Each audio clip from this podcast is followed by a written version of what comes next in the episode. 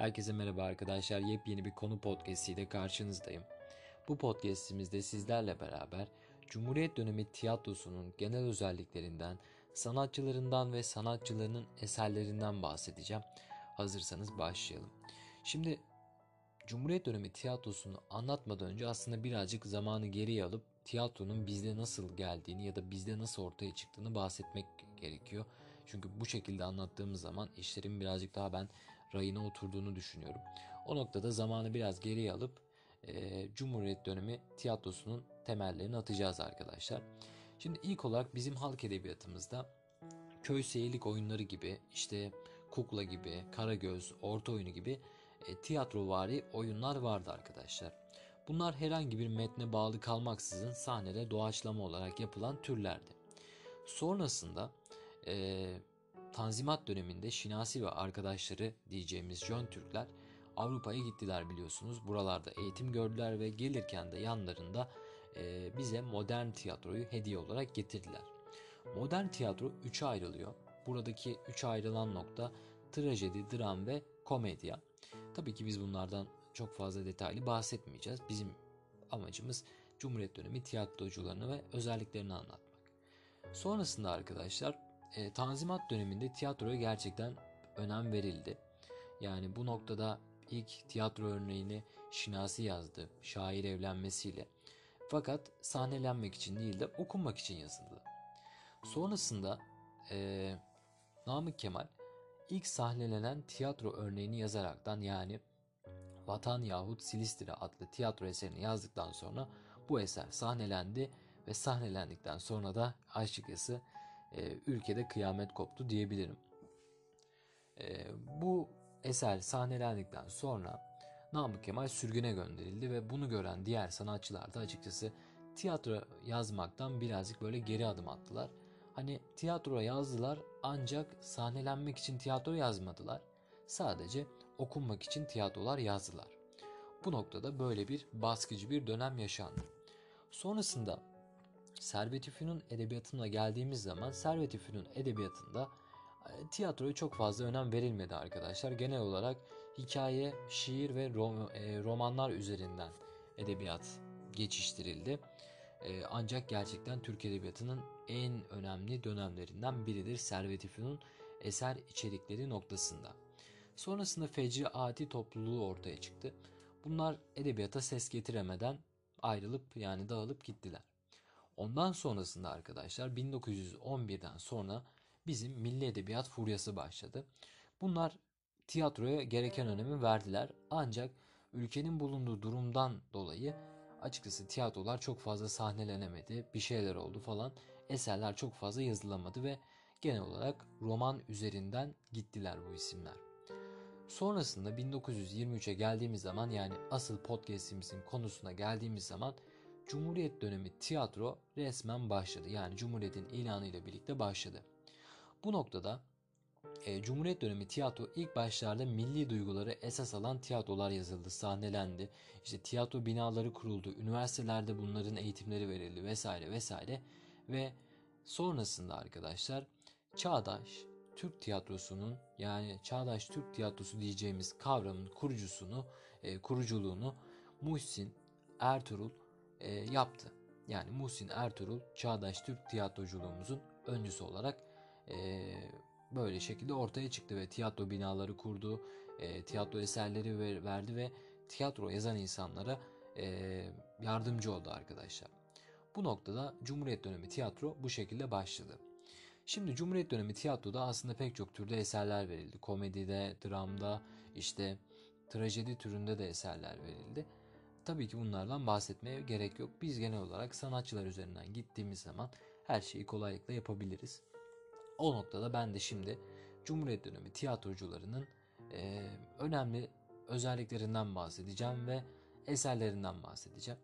Şimdi ilk olarak Cumhuriyet dönemi tiyatrosunda bizim ilk olarak anlatmamız gereken kişi bence Haldun Taner'dir. Haldun Taner bizim ilk epik tiyatroyu yazım yazmış sanatçımızdır arkadaşlar tiyatro anlamında. Kendisi Keşanlı Ali Destani ile e, ilk epik tiyatro örneğine imzasını attı. Ve aynı zamanda da Kabare adlı tiyatronun da öncülüğünü yaptı arkadaşlar. Haldun Taner e, eserlerine baktığımız zaman Keşanlı Ali Destanı buradaki en önemli vurucu noktadır. Hani metinde şöyle bir şey geçerse işte epik tiyatrolar anlamında büyük bir ses getirdi şeklinde yazı geçerse burada direkt işaretleyeceğiniz kişi Haldun Taner'dir arkadaşlar. Sakın unutmayın. Onun dışında Keşan Ali Destanı dışında Huzur Çıkması, Gözlerimi Kaparım ve Fazilet Eczanesi gibi pek çok e, tiyatro eserine imzasını attı. Bunun gibi arkadaşlar gerçekten çok fazla eseri var ama bilmemiz gerekenler bunlardır e, Haldun Taner'le ilgili. Zaten epik tiyatroyu gördüğünüz zaman direkt olarak Haldun Taner'i işaretleyebilirsiniz. Sonrasında yine Türk tiyatroculuğunun en önemli isimlerinden biri olan Orhan Asena'ya geçtik. Orhan Asena'nın eserlerinde bilmemiz gereken en önemli eseri Hürrem Sultan.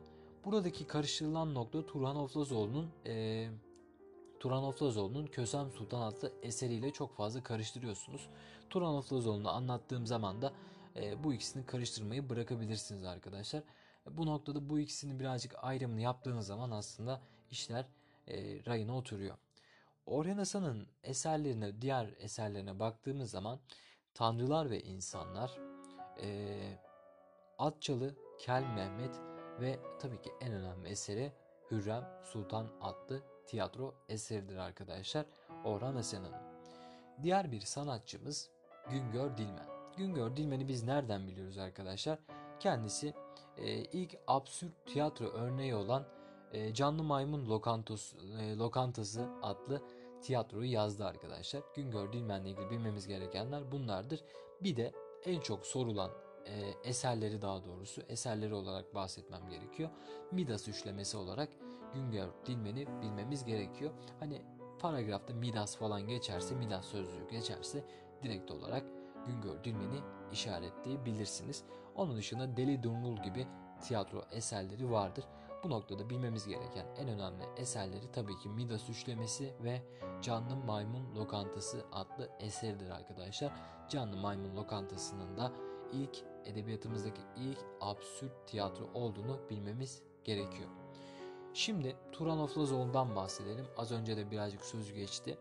Turan Oflazoğlu'nu biz arkadaşlar nasıl bilmemiz gerekiyor?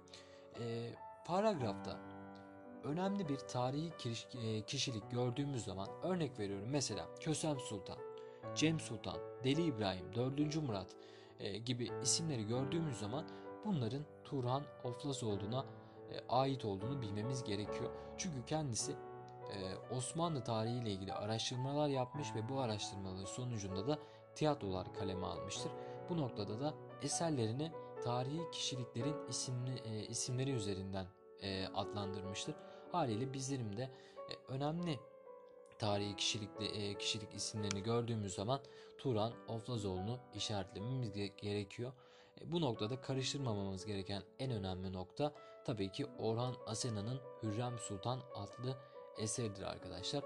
Hürrem Sultan Orhan Asena'nın, Kösem Sultan Turan Oflazoğlu'nun bu şekilde anlattıysak bir sonraki sanatçımıza geçelim.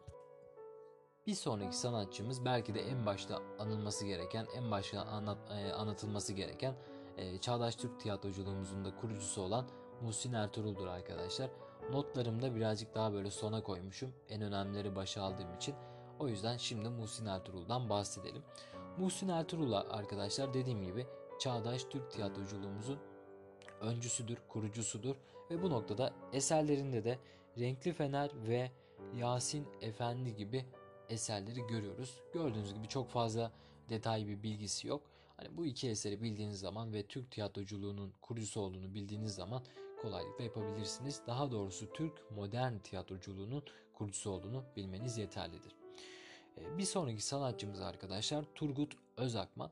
Turgut Özakman'ı ben çok küçük yaştan beri biliyorum. Daha doğrusu ismen biliyorum. Ee, çok küçük yaştayken ben bir film izlemiştim. O zamanlar Dersimiz Atatürk diye bir film vardı. Çok da popüler bir filmdi. Oradaki işte çocuğun dedesi Atatürk'ü anlatıyordu çocuklara. Bir ödev verilmişti çocuklara. Ve burada da e, Turgut Özakman'a canlı bir şekilde bağlanılmıştı. İşte Atatürk'ün kaç kitap okuduğuna dair bilgi alınmıştı. İlk defa orada görmüştüm kendisini. Ve e, bir tane kitap fuarından katılmıştı bu yayına. E, o yüzden kendisinin Atatürk'ün kaç kitap okuduğuna dair araştırma yaptığını bilmeniz gerekiyor arkadaşlar.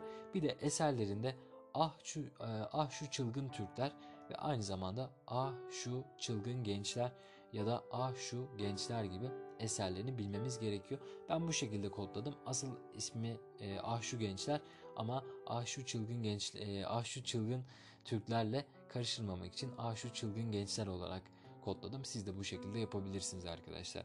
Onun dışında Korkma insancık Korkma gibi tiyatro eserleri vardır. E, şu çılgın Türkler arkadaşlar e, tiyatro eseri değildir, roman eseridir. Bunu da unutmayın arkadaşlar. Bundan bahsedelim. Bir sonraki sanatçımız Refik Erdoğan.